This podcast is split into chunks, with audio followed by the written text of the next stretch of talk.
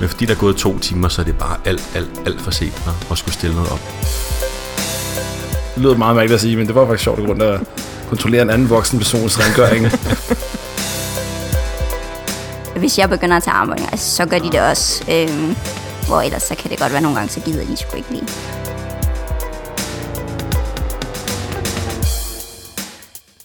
Goddag og velkommen til Stetoskopet. Dagens program det skal handle om det at være sundhedsprofessionel i militæret, og lige med lidt ekstra fokus på særligt det at være læge i militæret. Og øh, i den forbindelse, der har vi øh, blandt andet interviewet øh, Janne Johansen, som er sprogofficer og også har været udsendt som medic og har været militæret i mange år. Øhm, og så har vi også interviewet to yngre læger, som begge to har været udsendt til Irak. Imellem de to interviews, der kan I også høre i Forskernyt om, hvordan at ultralyd og farveblindhed har relation til krigsførelse. Udsendelsen her er udarbejdet af Ida Rost, der sidder over for mig, og undertegnet Bjørn Wiel. Vi lægger ud med interview med Janne Johansen.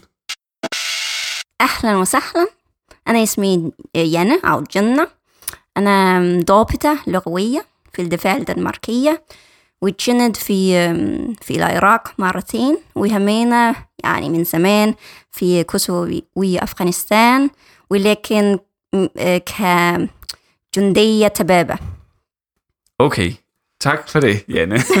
Velkommen. Vil du prøve at lige at sige det en gang igen på, øh, på et sprog, vi er nogle flere her i rummet, der forstår? Men det kan jeg godt. Øh, Hej, jeg hedder Janne. Øh, jeg er sprogofficer i øh, den danske her og øh, har været udsendt to gange til Irak. Og før det, der var jeg udsendt øh, en gang til Kosovo og en gang til Afghanistan som øh, medic. Og må vi høre, hvad, hvor er du henne i dit liv lige nu? Hvad er det for noget uddannelse, du er i gang med? Og hvad, hvad er det, du har haft af udsendelser før i tiden? Ja, Udover dem, du lige øh, ja hvordan jeg lige starter. Altså lige nu studerer jeg medicin på 6. semester på Aarhus Universitet. Øh, og udover det, så er jeg også i reserven som sprogofficer. Så en gang imellem, så har jeg nogle opgaver for forsvaret. Øh, jeg startede i forsvaret i 2006 som værnepligtig, Ja. og tog derefter øh, konstabeluddannelsen, hvor jeg blev medic, var udsendt i øh, Kosovo i 2007-8, øh, hvor jeg arbejdede på infirmeriet sammen med læger og sygeplejersker. Øh, så det var mest sådan nogle almindelige sygdomme, vi tog os af. Øh, for der var ikke så meget gang i den i Kosovo på daværende tidspunkt. Efter det så tog jeg til Afghanistan i 2009, øh, hvor jeg arbejdede i Camp Bastion nede i Helmand-provinsen på, øh, på felthospitalet. Og der var min funktion var inde på operationsstuen. Så der hjalp jeg til med operationerne. Jeg tror, vi i gennemsnit havde sådan 12 øh, indgreb eller operationer om dagen, hvor jeg så hjalp til. Og øh, så blev jeg sprogofficer øh, i København, var færdig i 2012, så tog jeg ud at rejse, og i 2013 startede jeg så på medicinuddannelsen, blev kaldt tilbage i 15, og var så i Irak i 15 og 16 over to omgang. Og nu er jeg så tilbage på mit studie. Kan du fortælle lidt om at være medic, og øh, hvilken uddannelse det kræver? Ja. Altså, der er forskellige niveauer af at være medic. De hed noget andet dengang jeg blev færdig, øh, end de gør nu. Men jeg mener, nu hedder det medic og junior medic. Hvor, ja, vi havde nogle andre navne, men det er alt efter, hvor lang uddannelsen er. Den uddannelse, jeg tog i militæret, det var sådan fire måneder.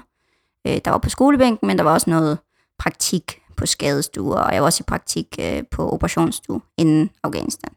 Så som medic kan man både være altså en af dem, der er med ud og gå patrulje eller køre patrulje, og ligesom er der, hvis nu at øh, the shit hits the fan derude.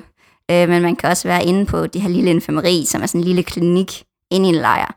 Eller man kan være på et af de store hospitaler, hvor der kommer store traumer ind. Så jeg har lidt, altså været, jeg har ikke været med ud at gå patruljer, men jeg har prøvet de andre ting, altså både små og store hospitaler. Vi hører fra vores to øh, yngre læger, vi også har øh, interviewet til den her øh, udsendelse, at øh, de har været Senior Medical Officers, eller SMO. Er det så nogen, du har arbejdet sammen med os, eller har du mødt øh, nogle andre lægeroller derude, eller hvad findes der egentlig for nogle læger, når det er, man er udsendt til de varme lande? Øh, altså det med at være senior medical officer, eller SMO, som vi kalder det, det betyder egentlig bare, at man er sådan den højst uddannede læge, så normalt vil en reservelæge ikke være små. Øh, jeg var, da jeg var i Kosovo, der havde vi øh, en små, som var sådan almen praktiserende læge. Så han havde det overordnede ansvar, og så havde vi også en reservelæge dernede på det tidspunkt, som altså det var ham, der havde det daglige arbejde, og så spurgte han små, hvis han var i tvivl. Så har du været sprogofficer, øh, og hvad er det for et, et sprog, du kan, og vi hørte det i starten? Ja, jeg håber, folk, der kan sproget, de kunne forstå, at det var arabisk. Okay. så er vi et godt skridt på vejen. Ja. Øhm, det må du kunne til en vis udstrækning, hvis du har, som du siger, været med til at træne nogle øh, irakere. Øh. Altså ja, jeg er i hvert fald rigtig god til at tale om militærting. Okay, Øhm, ja. Uddannelsen er jo kort og intens, øh, og man lærer meget. Altså det militære. Jeg er ikke så god til at tale måske om følelser, og Mm. øh, jeg kan heller ikke alle dyrenavnene og frugter og sådan noget, men jeg er okay på militær sk Ja. sprog. Okay. Øh, det er selvfølgelig lidt rusten lige nu, for det er et år siden, jeg har brugt det. Ja. Vil du prøve at forklare noget om, øh, om, om din udsendelse til Irak som sprogofficer, og hvad, øh, hvad din rolle var der? Og, Ja, ja, altså vi kom jo ned i Irak her i, i 2015, øh, i, fordi vi jo gerne vil hjælpe det irakiske forsvar med at blive bedre til at øh, bekæmpe IS. Så den opgave, danskerne har taget dernede, det er at hjælpe med at træne irakerne. Øh, vi er dernede sammen med amerikanerne, og der er også en lang række andre øh, nationer, hvor amerikanerne de ligesom hjælper både med, at de, øh, altså de vejleder de højrestående officerer, de højrestående irakiske officerer om, åh, skal vi gå højre eller venstre om ja, den her by -agtig. og så hjælper de jo også til med de bomber helt vildt. Øh, men det danske bidrag, det er så blandt andet det med at træne i rækkerne, og øh, ja, der er jeg jo så med, fordi de danske trænere, eller altså de danske soldater, der skal træne i rækkerne, de kan jo ikke arabisk. Nej, så okay. øhm, de har en sprogofficer eller en tolk øh, tilknyttet.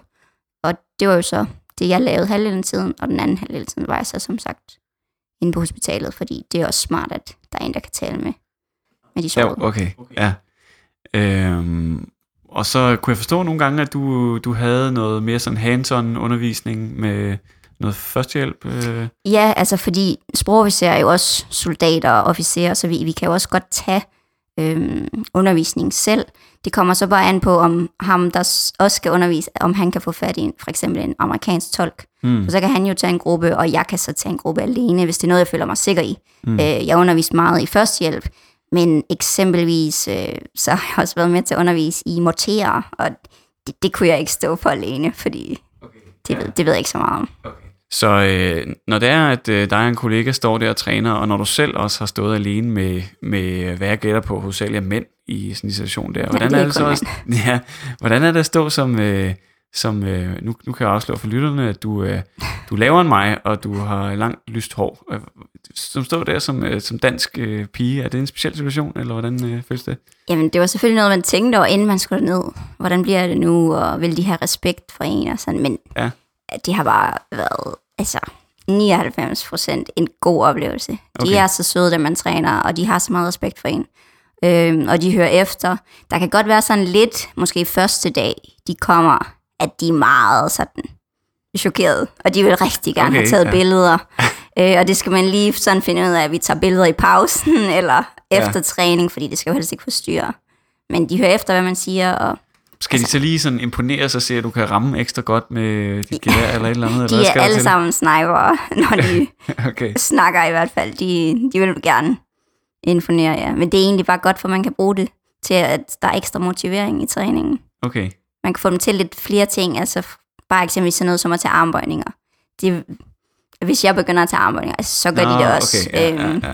Hvor ellers så kan det godt være, nogle gange så gider de sgu ikke lige. Men mm-hmm. hvis man selv går forrest, så går de med. Prøv at give os øh, en beskrivelse af, hvordan den danske base i Irak den ser ud. Ja. Altså, der er sket meget siden... Altså, jeg var dernede for et år siden. Og hvad er det, den hedder i øvrigt? Al-Assad. Air Base. Okay. Ja. Det betyder løven. Nå, ja. Men det er jo en stor irakisk øh, base. Den har egentlig også tilhørt øh, amerikanerne, sidst vi var dernede. Mhm. Så der har det været altså sådan en kæmpe stor base med swimmingpool og biograf, og der var busruter rundt, og altså jeg har bare hørt historier om, det var fantastisk. Øhm, så da amerikanerne trak sig ud, så har irakerne jo så overtaget. Og øhm, nu ser den lidt anderledes ud. Da vi kom derned der i øh, 15, jeg var på hold 2, så der havde lige været nogen et halvt år inden. Øhm, men det var lidt, de fortalte mig, at det var lidt ligesom en grund i sådan en spøgelsesby, fordi store dele af den er forladt, og øh, man kan komme ud og se de der, altså ting er blevet stjålet fra altså sådan vandhaner, og sådan, det ser helt, det er ligesom at være med i sådan en afsnit af Walking Dead. Hmm. Øhm, og så, øhm, ja, da vi kom derned, så har vi så oprettet en, en lille lejr, inde midt i den her kæmpe store lejr, hvor da jeg var der, jeg tror vi startede med at være 300, og det var op på 1000, da jeg tog afsted, og nu er de sikkert mange, mange flere, altså amerikanske og danske øh, soldater.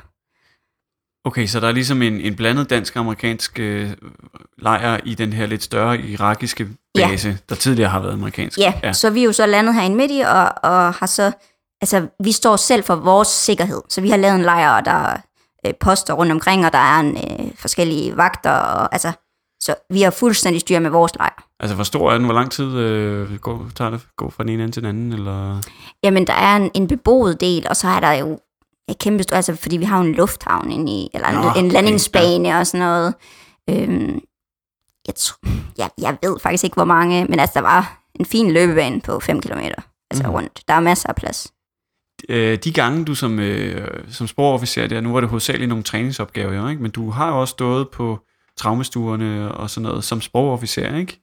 Jo. Øh, hvordan, er, hvordan er den situation ligesom? Øh, hvad er din rolle der? Og, Jamen, det er jo fordi, vi har valgt at hjælpe i rækkerne, der er i lokalområdet, med at vi godt vil tage imod de allerhårdeste til skadekommende. De har ikke så store ressourcer selv, så øh, dem eksempelvis med afsprængte lemmer, og, og sådan, dem vil vi godt tage ind og hjælpe med. Vi har en regel om, at, at der skal enten være fare for patientens liv, lemmer eller syn, så vil vi godt hjælpe. Men altså, hvis man bare har et lille skud, så de selv kan, kan fikse, så gør vi det ikke. Og vi tager heller ikke folk ind, der er skudt i hovedet, fordi vi simpelthen ikke har ressourcerne til det. hmm.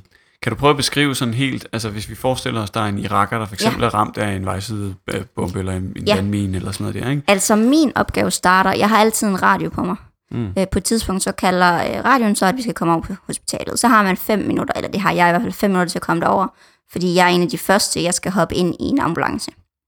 Øhm, så der kommer man med al sin udrustning på, og selvfølgelig pistol, og ja, vi render også rundt med gasmaske, øh, altså ikke på, men Mm. øh, i hånden og så videre. Og så kører vi ud i en ambulance ud til et checkpoint, hvor vi mødes med en irakisk ambulance. Og selvfølgelig har patientens vej jo været meget længere. Jeg har haft øh, personer, der har fået sprængt en ben af, og når jeg spørger, hvornår det skete, så er det sket for 6 timer siden. Jo, okay. Øh, så der har selvfølgelig været en stor vej inden. Men øh, der kommer vi så ud, og vi vurderer patienten og siger så, om vi vil tage ham ind. Og der går mit arbejde jo i gang med at spørge om jamen, alt det der standard. Hvad hedder du? Hvor gammel er du? Har du nogen allergier? Hvad er der sket? Og så tager vi ham med ind, og så... Øh, Er det i samarbejde med en læge der? Eller, nej, øh, vi er... nej. Vi er en medic, og så er vi mig, og så er der en, der står for sikkerheden. Og så er der jo en masse sikkerhedsfolk ude på det her checkpoint. Men det vil sige, at øh, du står ved det her checkpoint sammen med en medic, og så Ja. på, påbegynder I måske et eller andet... Øh, Ja, altså behandling, vi starter jo lynhurtigt med at se, øh, Øh, hvordan er situationen, får ham ind i ambulancen, og mens jeg spørger om alle mulige spørgsmål, så går medicen jo så i gang. Ofte er der to medics inde bag, som går i gang med at måske lave IV-adgang, hvis der ikke er det i forvejen, eller så lave en til IV-adgang, øh, give ilt. Sådan, altså alt det mest sådan helt basale. Altså vi laver jo bare airways og så circulation. Øhm, så det tager kun 5-6 minutter at køre ind til hospitalet, så det er heller ikke så meget, vi kan nå at lave. Det vil jo sige, at, at I er noget af det første, sådan kunne jeg forestille mig, ikke-irakiske personel, ja. De møder. Hvordan er det møde ligesom... Øh, Jamen, det, det er rigtig godt. Altså, de er rigtig glade for at komme ind til os, okay, fordi ja. de ved, de ved jo godt, at irakerne har været lidt presset på, på ressourcer, og eksempelvis sådan en, der har ligget i 6 timer, han har ikke fået noget smertestillende. Nej, Og øh, så, så de er rigtig glade for, at de, de ved, okay, nu kommer jeg et sted hen, hvor der er rigtige læger, altså, og men er I ikke på en eller anden måde øh, fjenden for nogen af dem, der kommer Nej, ind, eller hvad? det Nej. er vi ikke. Altså selvfølgelig er der rigtig mange i Irak, der ikke kan lide amerikanerne, på grund af sidst, vi var der. Mm, Men øh, vi får ikke nogen fra IS ind. Øh, okay. Vi fik talibaner ind i Afghanistan, fordi det ligesom var danskere og amerikanere, der bragte dem ind til os. Men sagen i Irak er anderledes. Øh, Det er irakerne, der kommer med patienterne, og de, de kommer ikke med nogen af fjenderne. Øhm, hvordan, øh, hvornår møder øh, patienten så en læge første gang? Det gør den så efter de der 5-6 minutter, så kommer vi ind til øh, den amerikanske ledet hospital, og her står jo så bare sådan 20-30 mennesker klar til at springe på patienten. Er der nogle danskere der iblandt? Ja, det er der. Det er amerikansk ledet, men der er en dansk læge, en reservelæge, og så er der normalt øh, tre danske medics og en dansk sygeplejerske. My calculations are correct. You're gonna see some serious shit. Hvis du ønsker at lytte til stetoskopet, og det håber vi selvfølgelig, at du gør, så vil du vide, at den her lyd, det betyder, at nu skal vi have forskernyt. Og vi vender tilbage til den virkelige slagmark på den anden side, men øh, nu skal vi altså have med en anden slagmark at gøre. Og det er forskningens slagmark og kampen mod uvidenhed, hvis nu vi skal være lidt dramatiske. Og til det har vi naturligvis vores faste forskervært Ulrik. Velkommen til dig. Tak skal du have, Fjern. Og du har nogle krigshistorier med til os i dag. Det har jeg nemlig. Jeg har taget en historie med, der begynder tilbage i første, under første verdenskrig. Der sad der en japaner i Tyskland. Han var læge, og øh, han studerede oftalmologi. Desværre var det sådan, at øh, første verdenskrig udbrød, og han blev nødt til at tage tilbage til Japan.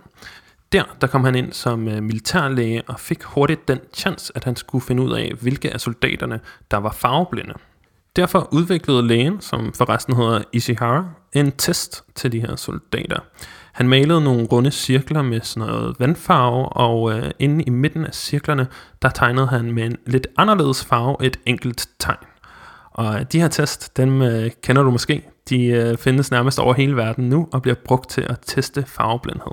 Det som Ishihara indså, det var, at øh, folk med farveblindhed, de oplever noget, der hedder pseudo-isokromatisme.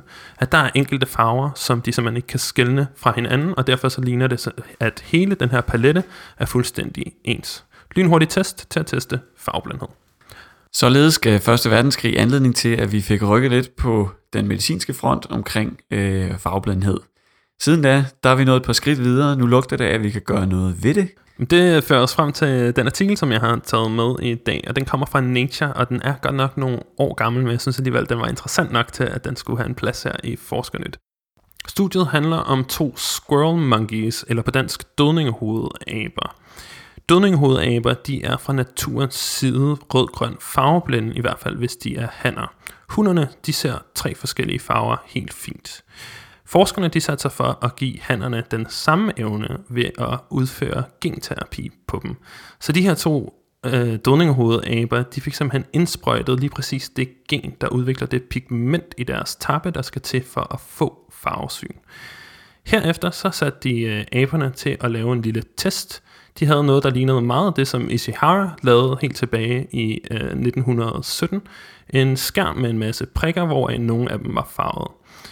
Efter aberne fik genterapi, var de lige pludselig i stand til at trykke på farverne, og hver gang de gjorde det, så blev der sprøjtet en lille smule saft ud til dem, som de rigtig godt kunne lide.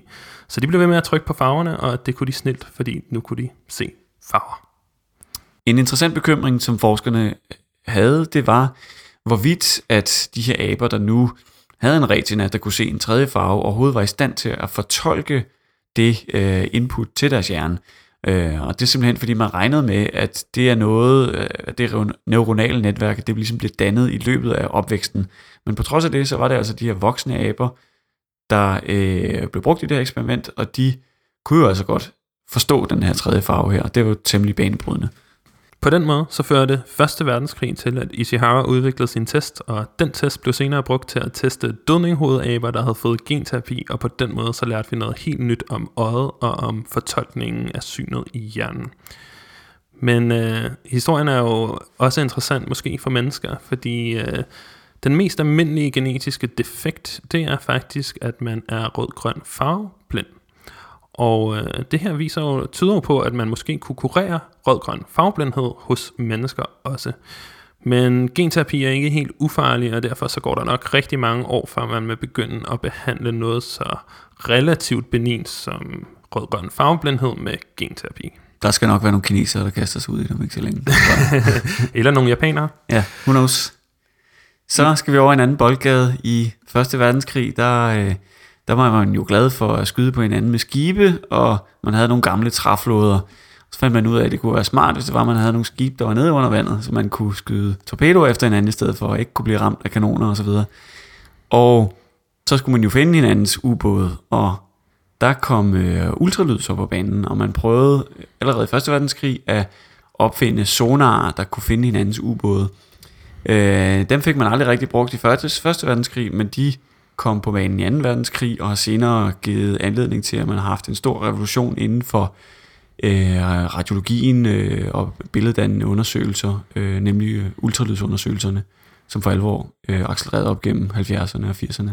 Ja, for som du siger, så blev ultralyd brugt for første gang for øh, nu 100 år siden, men den øh, findes stadig helt i front i forskningens verden, og, og det øh, kan man blandt andet se af det her studie, som jeg har taget med fra New England Journal of Medicine.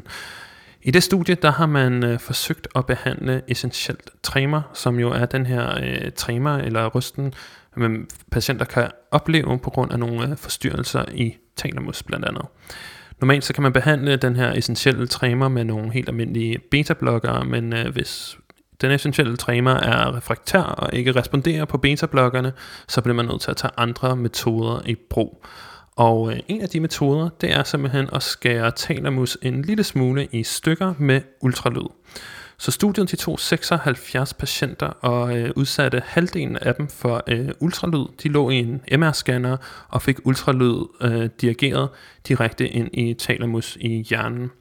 Den anden halvdel af studiets medvirkende forsøgspersoner, de fik sådan en sham procedure, hvor de også skulle ligge ind i en MR-scanner, og de fik også en hat på hovedet, men der var slet ikke nogen ultralydstråler. Det viste sig, at patienterne oplevede en halvering af deres symptomer, og også en stærk signifikant forbedring af deres livskvalitet.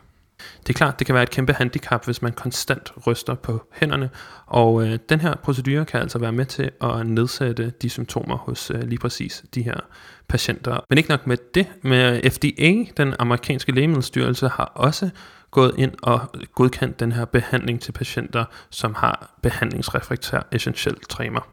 Dog er den her behandling ikke helt gratis, som du nok kan forestille dig, når man går ind og skærer dybt i hjernen med ultralydstråler, så får man også nogle bivirkninger, og det betød, at cirka en tredjedel af patienterne oplevede enten parastasier eller følelsesløshed, og øh, en anden tredjedel de oplevede øh, gangbesvær. Så øh, det skal altså være patienter, som virkelig har brug for det. Og det havde de her patienter også. Gennemsnits øh, symptomvarigheden for patienterne var 17 år på det her tidspunkt. Så det er nok nogle patienter, der er rigtig glade for, at man har fundet en behandling, som kan gøre noget ved de her symptomer. Det eneste, der mangler, det er en direkte sammenligning med den anden førende behandling til øh, behandlingsrefraktær øh, essentiel tremor, og det er øh, deep brain stimulation. Så det er der altså ikke sammenlignet med i den her artikel. Men det er jo en invasiv procedure, så man kunne godt forestille sig, at øh, der er nogle fordele ved at bare bruge ultralyd. Med de ord er der bare tilbage at sige, at øh, hvis du synes, du har hørt en lille mislyd i det her indslag, så er du velkommen til at skrive til os ind på Facebook eller på info Og øh, de to artikler, som jeg snakkede om, dem ligger jeg som altid op på stetoskopet.nu.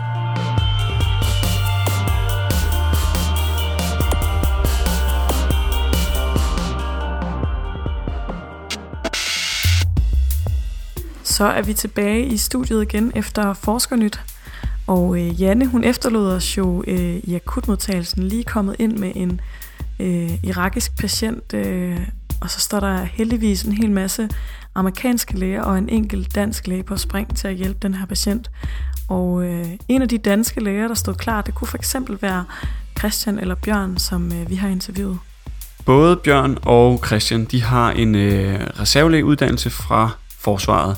Bjørn han har så også en øh, introduktionsstilling i anestesi og arbejder aktuelt øh, i en uklassificeret stilling i anestesien på øh, Nykøbing Falster sygehus. Derudover så har han også en deltidsstilling i forsvaret, hvor han flyver helikopter. Christian han øh, har været noget tid i Norge at arbejde og har arbejdet øh, i alt to og et halvt år på fuld tid i forsvaret. Øh, har haft en kort karriere på akutafdelingen i Køge og nu øh, arbejder han deltid i forsvaret, hvor han blandt andet øh, laver øh, helbredsundersøgelser. Både Christian og Bjørn har været øh, læge på et af forsvarets skibe og har begge to været to måneder i Irak.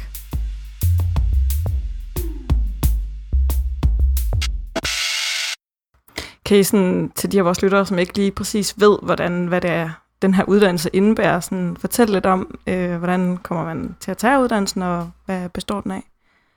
Jo, det kan vi måske godt. Altså først så skal man jo, så skal man jo søge det. Og der er det en god idé, hvis man kommer til en anden form for introaften, så de ved, hvem man er, når man skriver sin ansøgning. Og dernæst så er det egentlig meget, øh, hvad skal man sige, kontrolleret på den måde, at øh, alle de skal igennem en fysisk test på en, på en given dag. Og der er noget løb og noget, noget korttræning.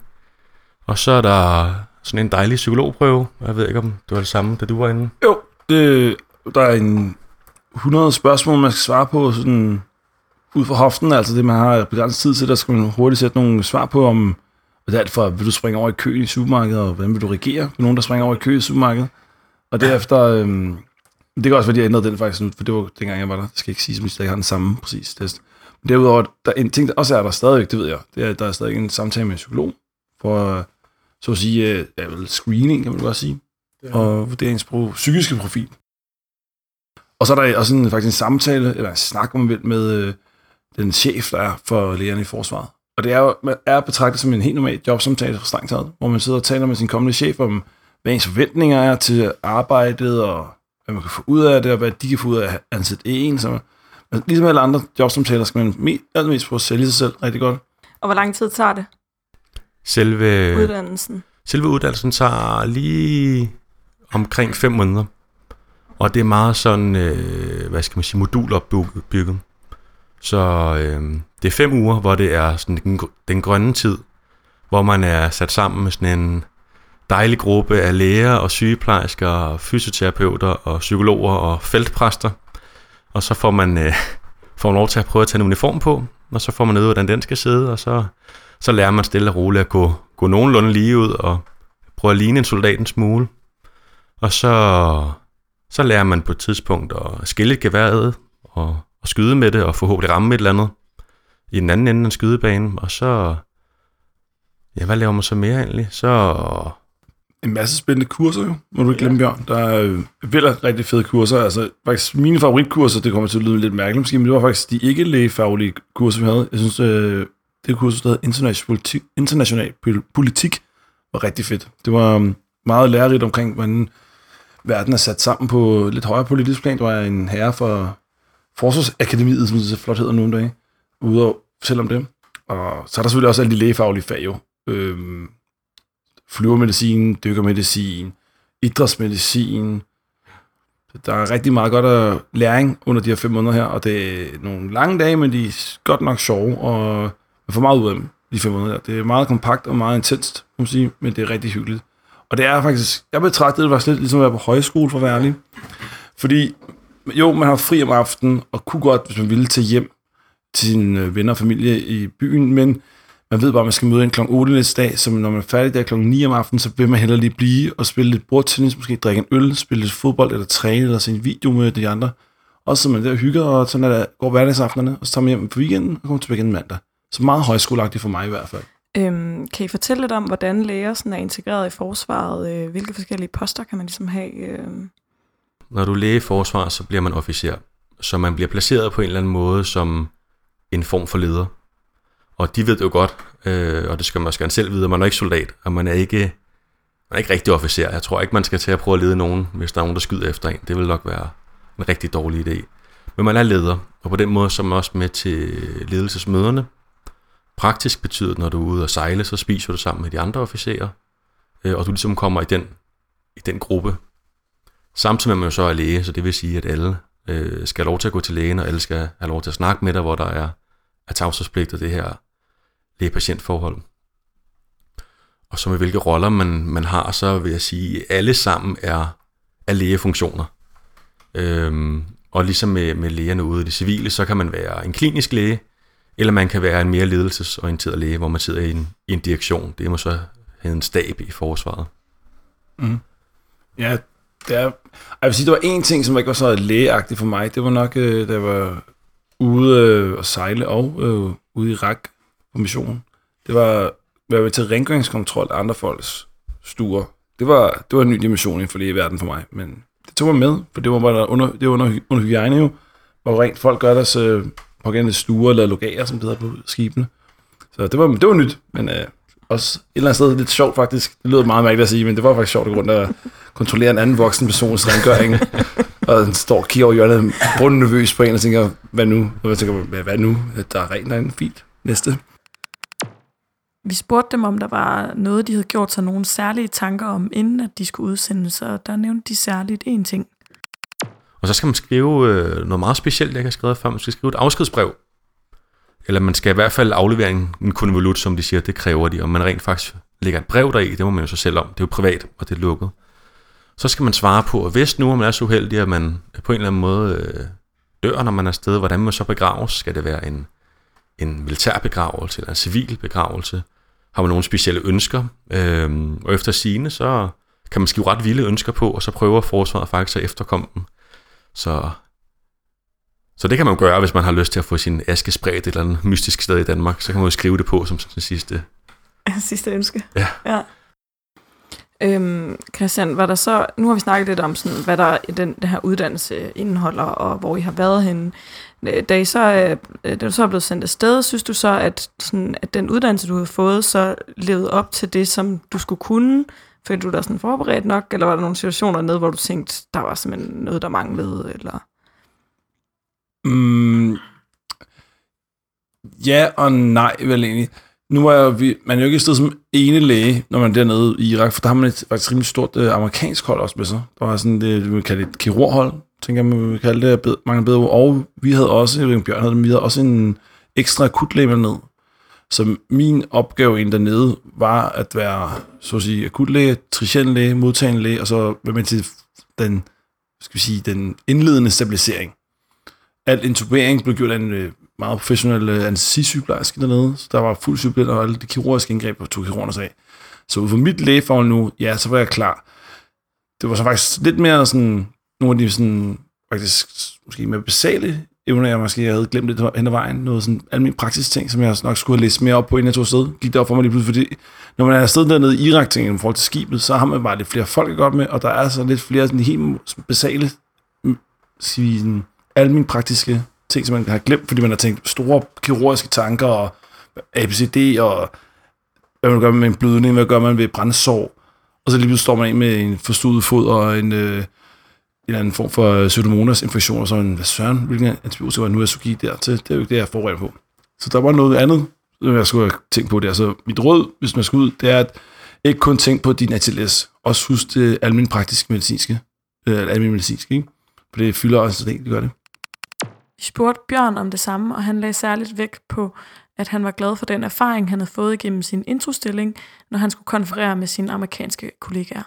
Øh, og der synes jeg, det var rart over for dem, når jeg snakkede med dem og diskuterede mine cases, at jeg havde lidt mere. Især fordi de havde alle sammen sindssygt meget erfaring, øh, og var vildt dygtige. Øh, så vi skulle nok have klaret det, klaret det alligevel, kan man sige. Men det er bare rart, synes jeg. Jeg vil sige, forskellen på en dansk traumemodtagelse, hvor jeg også har prøvet at traumeleder, og så i Irak, det er, at øh, amerikanere, de er bare lidt mere højlytte. Altså i Danmark, der synes jeg, en lækker traumemodtagelse, det er, hvor folk, der er sådan god ro og orden, og traumelederen behøver måske slet ikke sige så meget i virkeligheden. Folk gør det bare automatisk, og så bliver der sagt nogle ting, korrigerende ting. Jeg synes, øh, dernede, der... Der bliver råbt meget. Ja, der er lidt mere American, ikke? Der, der skal man fandme... Der bliver råbt rigtig meget. Første gang, der, der, der var jeg ikke så højligt, og der, der spurgte de mig, hvorfor jeg ikke sagde mere. Var det fordi, jeg var usikker på det, eller noget? Nej, det var det egentlig ikke. Så måtte man jo bare til at, at tale højt, når man sagde, at nu var, nu var B okay, så skulle man be okay, og så okay, fint, så kan vi komme videre. Det var sådan en kulturel ting, kan man sige. Ja, det er klart. Men de var, de var meget søde, det synes jeg. Okay. Hvordan, sådan, hvordan er faciliteterne dernede? Har man adgang til et hospital, eller er det sådan i telte? Eller De hvad? Altså, De er lige akkurat bedre end telte, vil jeg sige. Ja, de, ej, de synes faktisk, de er et stykke over til, faktisk, for at være helt ærlig. Det, ja, den gang jeg var nede, fordi stedet ændrede hele tiden øh, faciliteter, fordi basen blev større og større, havde vanvittigt voksværk. Den gang var nede, var det en gammel øh, kantinebygning, de brugte. Så der var fliser på gulvet. Øh, det man bare skal huske med Irak, der er støv over alt. Altså, der er bare beskidt over alt på en eller anden måde. Så det er ikke sådan en rigtig steril operationsstue, men det er sterilt, som det kan blive. Altså, jeg synes, det var rimelig fint, at de kunne lave nogle... Jeg synes faktisk, jeg var lidt imponeret nogle gange over niveauet over, hvad de kunne gøre, inden de skulle sendes videre til helt til det bagerste hospital, der lå inde i Bagdad eller nede i Kuwait, hvor man kunne lave det store kirurgi.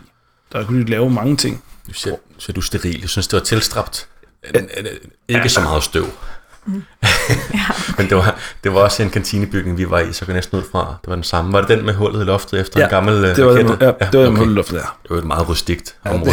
det havde sin charme. Men øh, vi havde ikke, vi havde ikke for eksempel ikke traumelejre, og der var ikke operationslejre. Det vi havde, det var, der var sådan nogle øh, bukke, så folk kom ind på deres borge, øh, ligesom man ser på filmene. Og så blev man sat på borgen på sådan en bukke, og så kunne vi lave vores øh, stabilisering på det, der hedder en ATLS-station. Øhm, og så når man havde stabiliseret dem, så tog man dem i den borgen og bar dem ind på i operationsrummet, hvor man kunne sætte borgen igen. Og så når man var færdig der, så kørte man ud til vores opvågningsafdeling, som også bare var nogle, øh, nogle bukke, hvor man kunne sætte borgen på, og hvor der så var en respirator for eksempel. Og så når de var færdige der, så var tanken, de skulle ikke ligge der i ugevis og være patienter. De skulle flyves til, til Bagdad. Hvis man var iraker, hvis man var dansker, så skulle man selvfølgelig til, til Rigshospitalet. Øh, det var der heldigvis ikke, der var der, men det var planen. Okay. Øhm, kan, kan I fortælle lidt om, hvordan sådan jeres samarbejde med det øvrige militær har været under udsendelsen? Øh, jeg, for mig har det været rigtig godt. Øh, det er faktisk helt rart at være et sted, hvor at, øh, at man bliver anerkendt for den, måske ikke person man er, men lige så meget for den funktion man har. At du er læge inde, når du er ude. Der er ikke nogen andre læger. Øh, de andre læger, de sidder hjemme i Danmark. Det vil sige, når der er en chef, der spørger dig om noget, så hvis du siger, at det er min lægefaglige vurdering, at, så, så siger de, nå okay, fint, så er den lægefaglige vurdering. Det er det her. Der er ikke nogen diskussion omkring, øh, om patienten er syg eller ikke er syg. Øh, og så skal de nok prøve at få det ind i deres, i deres dagligdag, med ens råd, man nu har givet. Øh, og der er selvfølgelig altid nogen, nogen, altså der kan man jo alle steder have nogle kontroverser, men jeg synes generelt, det var rigtig, rigtig nice, at de bare anbefalede. Eller undskyld, de to ens anbefalinger for, for gode varer, ikke? Og det er nogle nemme patienter, man har. Soldater, det er generelt nemme patienter. De, de accepterer også, hvad der bliver sagt til en. Og når man, når man er sådan et sted nede i, i Irak, også ude på, på skibet, og der kommer med en typisk overbelastningsskade, og man beder vedkommende om at lade være med at træne, så er det ret afslørende, hvis patienten vælger at gå ned og træne, fordi man er selv i det træningscenter. Og hvis man ikke selv er der, så skal en sygeplejerske nok fortælle det til en. Så de, de gør generelt, hvad der bliver sagt. Det synes jeg er meget godt. Ja. Øhm, hvad hedder det? Kan I komme på et øh, konkret eksempel på en situation, hvor I sådan virkelig tænkte, at her har I virkelig fået udfordret jeres lægekundskaber? Så hvor jeg stod dernede. Jeg synes, altså rent fagligt kan man sige, det, der kommer nogen, der kommer nogen ind, øh, som selvfølgelig var, øh, var kommet slemt til skade af nogle bombomber, nogle øh, det der her ID'er, hvor der er sprunget, hvor de kommer ind, og hvor man bare vil ønske, at man kunne gøre noget for de der stakkels patienter. Og der var også civile, der kom ind til os. Øh, for når vi var der, så ville vi gerne, vi ville gerne bruges. Øh, for vi, vi ville hellere bruges på nogle civile, end at bare sidde og, og lave ingenting.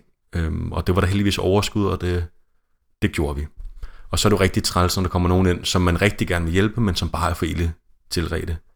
Øh, hvor man især tænker, hvis nu det her der havde været sket i København, så har det ikke taget to timer for den her patient, der kom ind til mig, der har det taget et kvarter.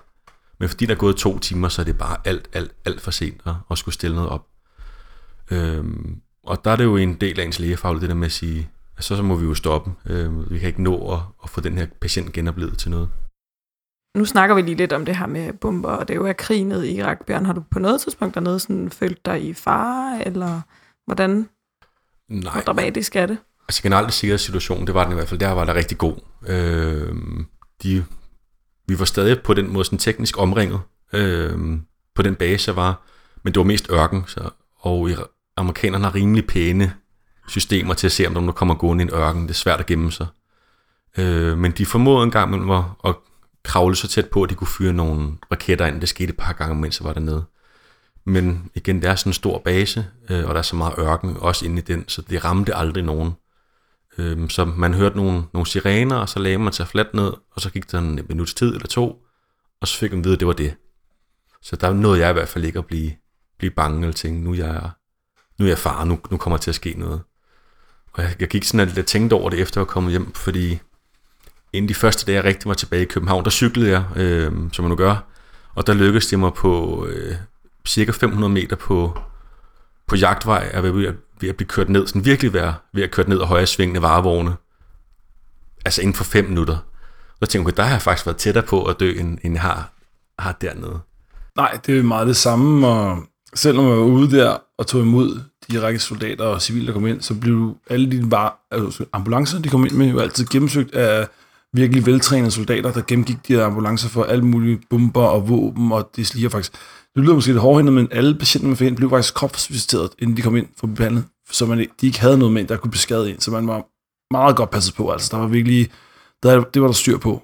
Og det var jo selvfølgelig også øh, nok lidt bitter erfaring, at der var så meget styr på det, ikke? men de var rigtig passet meget godt på, os som sundhedsfaglige personale, og også hinanden dernede. Altså, det går de meget op i. Kan, kan du prøve, Christian, sådan at prøve at skitsere for vores lyttere, hvordan sådan en helt almindelig hverdag vil foregå dernede? Nu skal jeg, måske bare ikke tænke om hverdag og weekend dernede, for det er bare dage dernede. Det, der, er, Ja. det, er, som sådan, øh, der er meget, meget lidt øh, dage, øh, eller ændring på dagene, men man slår op, sådan gerne, øh, jeg står gerne op på syvtiden, og så tager man øh, noget tøj på, går over og spiser morgenmad i den kafeteria, der er, hvor man får udleveret sin morgenmad. Der er jo ikke noget, man skal tage for, alt er jo på den måde dækket ind, når man er afsted. Og så, øh, som Bjørn var inde på tidligere, så var man SMO, altså små Senior Medical Officer, så der var en masse møder i løbet af en dag. Og det var lige fra, at man skulle være med til møder med den amerikanske stab, til den danske stab, til møder på felthospitalet, og det var alt for, hvordan gik det i lejren, var der nogle sådan helbredsissues, var der, nogle gange var der et udbrud af Roskilde syge, hvad gør vi så? Hvem skal vi isolere? Hvilke delinger berører det? Og så tog man derfra. Og så gik man altså over på hospitalet, og havde man sådan en formiddags konsultation. Vi kørte den frem til lige før frokost ved et tid. Og så hvis folk var blevet syge på en eller anden måde, eller havde fået svamp, eller udslæt, eller kunne man tage dem der.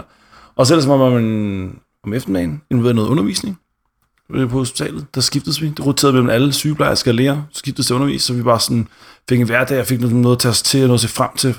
Fordi man bruger meget tid på at vente. Fordi heldigvis der er der jo ikke traumer hele tiden. Der er ikke de her patienter, der kommer i flyvende hele tiden, men de skal bare være klar. Så man skal hele tiden være lidt gang. Og så når man har et hul på en time til tre, kommer man ned og træner. Det gør jeg næsten hver dag, der er noget. For os for endnu en gang få komme ud med lidt øh, energi og føle, man havde gjort noget i løbet af dagen. Og så kunne man læse en bog, eller se en film om aftenen, og så kan man i seng. Så det er meget ens om dagen. Så de falder meget hurtigt sådan ind over en anden dag, og de minder meget om hinanden. Det bliver meget gråt i gråt. Eller vi var, vi var i den brune sky, som soldaterne dernede kaldte det. Så var man bare i den brune sky på måneder, og så kommer man ud igen på den anden side. Lidt, øh, måske lidt sundere faktisk, fordi man ikke drukker alkohol, men så var man nede, og man har trænet masse. Bjørn uddyber lidt om, hvad de laver øh, uden for det normale program, og når der ikke lige er patienter på bordet. Og så aftensmad, og så var der øh, fri leg om aftenen øh, igen. Og der blev der arrangeret nogle forskellige ting om aftenen. Øh, der var nogle øh, sådan, øh, udvalg, nu har jeg helt glemt, hvad det hedder, velfærdsudvalg, tror jeg det hed, hvor der var forskellige øh, soldater, der gik sammen om at arrangere noget. Så var der noget, nogle bordtillens øh, øh, ting, og nogle bordfodbold øh, turneringer, og Playstation turneringer, og det lykkedes os sågar at have LAN-arrangement dernede, så vi alle sammen fik sat vores bærbare computer sammen og spille nogle gamle computerspil. Øhm. Og så, når vejret var til det, øh, det var lige der kom ned, der var der 50 grader, så der kunne man nærmest ikke være udenfor. Det var sådan noget med at løbe i skyggen, fordi det var bare for varmt. Men så blev det lidt køligere, og så arrangerede, arrangerede vi, øh, jeg arrangerede det ikke, jeg kom så faktisk bare til dem, som udendørs øh, biografting, hvor vi havde sådan en stor hangarport med en projektor, så kunne man sidde og se film der udendørs. Og så to gange dernede var der nogle grillarrangementer. Det var oftest nogle øh, mærkedage, jeg kan sgu ikke huske det. Om det var grundlovsdag eller et eller andet. Øhm, så var der grillarrangement. Og så, så var der hygge. Med alkoholfri øl selvfølgelig, for man må ikke drikke, når man er udsendt. Men, men I var så også primært inde på basen? I, I kom ikke ud derfra? Eller? Nej. Okay. Det gør man ikke. Man komme ud af den irakiske del af basen. Øhm, der var der. Med, med følge. Og det er sådan noget, man ikke bare tager ud med en bil, men så siger man til nogen, hvor man er henne, når man har nogen med, der kan finde ud af at bruge deres gevær. Øhm, Og man tager faktisk vand med, så man kunne- i en tænkt situation, hvis man blev strandet et sted, klare sig i et døgns tid, og Lige man har sit våben med sig, og man har sådan en lille nødpakke med, så man skal pakke, der er sådan Ja. befaling for, hvad man skal have med, når man tager ud bare fra den danske base ud til den irakiske base. For Ja. hvis nu bilen bryder ned, så man kan stå der og vente, så skal man være klar. Jeg er til- sågar blevet sendt tilbage øh, efter ekstra batterier til min pandelampe. Og det var meningen, at jeg bare skulle ud fra klokken 10 til klokken 13 midt om dagen. Men okay, så var der klar til, hvis nu jeg skulle være derude i flere nætter i træk med tændt pandelampe. Så det, der, der er virkelig tænkt over tilfælden. Det går du være forberedt. Ja, det er godt at være forberedt. Det er nemlig rigtigt. Hvilke, hvilke kompetencer synes du, Christian, at det har givet dig i forhold til dit fremtidige liv som læge at være udsendt? så har det helt sikkert øh, nok givet noget på sådan ledelsesfronten. Det kan jeg jo især mærke, da mit sidste arbejde i det civile, som kun en læge på Køge. Der har jeg virkelig øh, det der med at holde hovedet koldt og kunne styre nogle andre folk og have overblikket og se, hvem der skal have hjælp her nu, og hvem vi godt kan vinde med. Der har det, det har rykket rigtig meget. Så det er ledelsesmæssigt. Og så var Bjørn også helt tilbage i starten nævnte noget med pædagogik, altså undervisningsmodulet, øh, hvor man lærer at undervise. Hvilken min personlige mening, en masse undervisning på panden burde have, fordi det har virkelig øjnet, eller åbnet mine øjne for, hvordan god undervisning er, og hvad dårlig undervisning er. Og det er noget, jeg har taget rigtig meget med mig. Så alle de der, faktisk ikke, det er faktisk ikke rigtigt, det er jo noget af det lægefaglige, jeg har taget med mig, uden tvivl. Der har været rigtig mange gode traume ABC ting, til det ting. Men der er altså lige så meget af det ledelses, ledelsesmæssige, og det med at organisere ting og samarbejde med andre folk, altså andre faggrupper, og have tillid til dem. Det har jeg helt klart har vokset mest. Det må jeg sige. Det, det der rykket allermest for mig. Så noget lægefagligt, men rigtig meget af det andet. Og det er det, jeg bruger i min hverdag. Fedt. Hvad med dig, Bjørn? Jamen, øh, fuldstændig. Det, det samme leder, samarbejder. Øh, også fedt at kunne skyde med et gevær, det kunne jeg ikke før. Det kunne Christian nu, men det kan jeg altså nu. Og jeg kan også skille det faktisk. Og samle det igen. Så du kan Og bevise samle, og det. samle det igen, jeg er ikke bare skiltet. øh, ja. Hvordan var det så at komme tilbage til en normal hverdag, efter man ligesom har været udsendt? Øh, det var fint. Øh, det var ikke sådan, øh, jeg i hvert fald ikke, synes jeg selv, selvdiagnostiseret PTSD eller noget af den stil. Øh, men jeg savnede det. Øh, jeg synes, jeg tog hjem for tidligt. Vi læger, vi kunne ude i afsted cirka to måneder, øh, hvor de soldater, man er afsted med, de er ude et halvt år. Øh, og de sygeplejersker, man er afsted med, de er ude i tre måneder. Så jeg synes, det var tidligt at tage afsted. Og det, det tror jeg også, der er andre læger, der har, der har følt, at ligesom kommer ned, og så tager de hjem, før arbejdet er færdigt. Og du når lige at kende nogle mennesker rigtig, rigtig godt, og blive gode venner med dem, og gode kolleger, og så, så skrider man lidt tidligt. Det synes jeg var det sværeste, egentlig, med at tage hjem. Ja, det er klart. Så det var ikke sådan, at da I kom hjem, at det ligesom var svært at komme i gang med ens hverdagsrutiner derhjemme igen, i forhold til, Nej. hvordan hverdagen havde været Nej. dernede? Man taler meget om, øh, om det der med, at man også kan omstille sig, øh, og der taler psykologerne, det har jeg hørt dem sige i hvert fald, om battle mind og home mind. Og der laver de, for soldaterne laver de rigtig meget øh, sådan nogle uger, hvor de ligesom kommer tilbage i den normale hverdag, hvor den første uge, der skal de noget meget militært, og så tror jeg, det er meget civilt. Øh, lægerne og sygeplejerskerne, vi er, vi er mere inviteret med på enkelte dagene, hvor man er oppe til nogle foredrag og spiser noget mad sammen med dem alle sammen, og drikker en øl, hvis man kan lide det, og taler med en psykolog. Det er simpelthen, nu her er det blevet obligatorisk at tale med en psykolog. Det skal man gøre. Øhm, og han sagde, psykolog, jeg tal- talte med i hvert fald, at der er sgu sjældent, at lægerne i virkeligheden har noget specielt.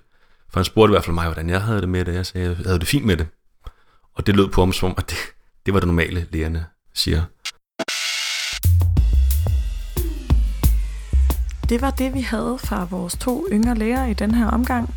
Og for at øh, afrunde dagens program, så får vi lige lidt ekstra fra Janne, som giver et par gode tips og tricks til, hvis du selv skal ud som læge i militæret, hvordan du vinder det øvrige militærs respekt og får nogle bonuspoint. Det første, vi hører om, er lidt om lægernes udseende. Ja, jeg vil faktisk også sige, at jeg synes, det er blevet bedre med tiden. Men mm. øh, man kan næsten altid se, hvem der er læge eller sygeplejerske i sådan en, en lejr. Især når de tager ret på. Okay. Øh, der er ikke så mange måder, man kan ødelægge altså uniformen på, men, men sådan en beret, der, der, der kan man se, at man er lidt mere civil end andre. Hvad har de vendt den på hovedet, eller hvad er det, der går galt? Nej, det er noget med... Ja, det er måske lidt svært at forklare, men det er noget med formen. Øh, det vil folk vide, når de kommer i Okay. militæret. Den sidder ligesom sådan en, en sømandshat. Altså, den sidder bare helt forkert. Den kunne lige så godt have været vendt på hovedet. Okay, okay. Men det er ikke alle. Der er nogen, der har styr på det. Mm-hmm. Har du flere eksempler på, hvor øh, lægerne de skiller sig ud? Eksempelvis sådan noget som, når man skal køre ud af lejren, altså ud af vores øh, amerikansk-danske lejr, og så ud i den irakiske lejr, så skal man altid øh, lade gevær og pistol. Og øh, det skulle vi jo også i, i Kosovo og så videre, og øh, når man så skal køre ind igen, så skal man jo aflade. Og for at sikre sig, at man ikke har nogen øh, patron i hylstret, så skal man så øh, slutte af med at tage aftræk ned i sådan en, en tønde, der er fyldt med sand. Så, så hvis nu, at det hele det går galt, så, så skyder man ned i, i sand. Altså, så rammer man ikke nogen. Og altså, på næsten alle de udsendelser, jeg har været på, der er der altid enten en læge eller en sygeplejerske, der er kommet til at skyde ned i den der. Mm-hmm. Okay. Og det, altså, der sker jo ikke noget ved det, men det er rigtig pinligt, og alle får det at vide i løbet af, altså jeg tror næsten, det bliver meldt over radioen. Alle ved, okay. når det er sket. Og man får også en bøde, altså, for Nå, det, det gør man. ja. ja for det, fordi det, det skal ikke ske. Altså, man skal have styr på sine våben, og, og der vil jeg da bare råde øh, kommende læger i forsvaret til, fordi det er jo fair nok, de er jo ikke ude af lejren lige så ofte, som vi er. Og det kan godt være lidt svært, det der. Altså, men så spørg, fordi der går ikke noget af nogen som helst ved at spørge. Jeg vil hjertens gerne øh, hjælpe, fordi vi forstår godt, at, at det er lidt svært for folk, der ikke har det i hænderne hele tiden. Men den der dag, når den ja, bare lyder et ordentligt brag, og man ved, nå, det var dog. Altså, det er simpelthen bare pinligt. Lægerne kommer derned som øh, officerer, kan vi jo øh, høre også. Øh, ja, sprogofficer, der, der er man så lige rang med en læge? Eller Nej. Hvordan, øh, Øhm, nej, og det kommer også an på, hvilken øh, funktion du har. Jeg tror, lægerne normalt, så bliver man kaptajn. Jeg tror faktisk, du er premierløjtnant herhjemme, så bliver du kaptajn, når du er ude. Men for eksempel, hvis du er den eneste dansker, og du bliver små, så bliver du allerede major der. Og det er altså ret høj rang i forhold til okay, ja. ja. den tid, de har brugt. Og, og det er jo også noget med løn, og hvis man har så meget ansvar, så skal man have penge for det, og det er jo helt fair. Men øh, man skal også bare på en måde altså kende sin plads. At, at, at der er, som jeg også har sagt før, der er så stor respekt for, for lægen og, og det, han kan, øhm, så længe han ikke begynder at altså, spille sin rang Mm-hmm. på, på måder, hvor han ikke skal det. Og hvad kunne det være? Jamen, øh, vi havde faktisk på et tidspunkt, det var så ikke en læge, det var en sygeplejerske, men en sygeplejerske, der blev ved med at ville, ville snakke om, hvor han var i rangsystemet. Altså hvis nu chefen døde, om det så var ham, der ligesom fik kommandoen, hvor vi sådan, nej, du vil aldrig nogensinde få den militære kommando, fordi altså, det ville jo være helt sindssygt, at have sådan en sygeplejerske, der sad og bestemt, nu skal vi rykke herover. Øhm, men altså, det er jo også helt ude i det ekstreme, jeg har oplevet. Øhm, ellers er det bare sådan noget med at begynde at, og måske ville blande sig lidt for meget i de militære sager. Mm-hmm. Altså fordi, jo, man kan selvfølgelig godt sidde og snakke om det, men der er en grund til, at officererne har en meget lang officersuddannelse, og det er ligesom deres opgave og deres ansvar. Har du flere gode råd til mig, hvis nu jeg godt kunne tænke mig at være læge i forsvaret? Jamen, rigtig ofte, så bliver lægen, øh, altså, sådan, for sådan instant like, fordi det er ofte en ung fyr, som er lidt frisk, og de har lidt ekstra tid dernede, så de har rigtig tid til at være sociale. Øhm, så, så, og plus, mange læger er jo også dejlige personligheder. Så, så helt principielt, så, så, eller oftest, så går det jo rigtig godt. Jeg vil sige, øhm, et råd vil være fra øh, det der med at få lige styr på beretten og uniformen. Vi, vi ved godt, at, at under uddannelse er det nok ikke noget, de går så meget op i, øh, og det kan også føles som om, at det er simpelthen bare dumt, men det er bare noget, vi andre vi går rigtig meget op i, og vi ser det rigtig hurtigt. Så lige brug lidt ekstra tid på det der med at se ordentligt ud. Øh, så vil jeg øh, råde til øh, ikke at brokke sig alt for meget. Øh, det har jeg ikke så ofte oplevet, når der kun har været en, men, men når man samler flere læger og sygeplejersker, så, så kan der måske, jeg ved ikke, især måske, hvis der er mange kvinder, øh, komme til at gå sådan lidt drama i den, og, øh, og der er bare nogle ting, når man er udsendt, man ikke brokker sig over. Altså selvfølgelig er det træls, at der ikke er noget varmt vand, eller at man kun må gå i bad en gang om ugen, eller at maden er dårlig, men så, så må man ligesom brokke sig i telefonen hjem til. Fordi igen, man skal bare, når man er lidt udenfor, altså man skal ligesom være det gode eksempel. Øh, Og det med at være det gode eksempel, det er også noget med at hjælpe med det praktiske. Hvis alle skal fylde sandsække, så fyld nogle, nogle sandsække, eller hvis man hjælpes med at vaske gulv hver aften, så, så hjælp med det. Det var det hele. Lyt med næste gang, når der kommer et specielt program. Ja, fordi om to uger, så har stetoskopet eksisteret i et helt år, så vi har et års jubilæum. Woo! Så vi lyttes ved om to uger. Husk at like os på Facebook. Og så tror jeg også bare, det trækker lidt op, at der er en, der måske kan hjælpe med, mm. hvordan man sætter den der beret, og kan fortælle, Jo. at det er meningen, du skal gå i bad med den, for så bliver den våd, og så kan du bedre det det? rette den til. Og det skal man mange gange. Jamen, øh, med de ord tror jeg, vi siger tak, tak, Janne, fordi du var med. Velbekomme.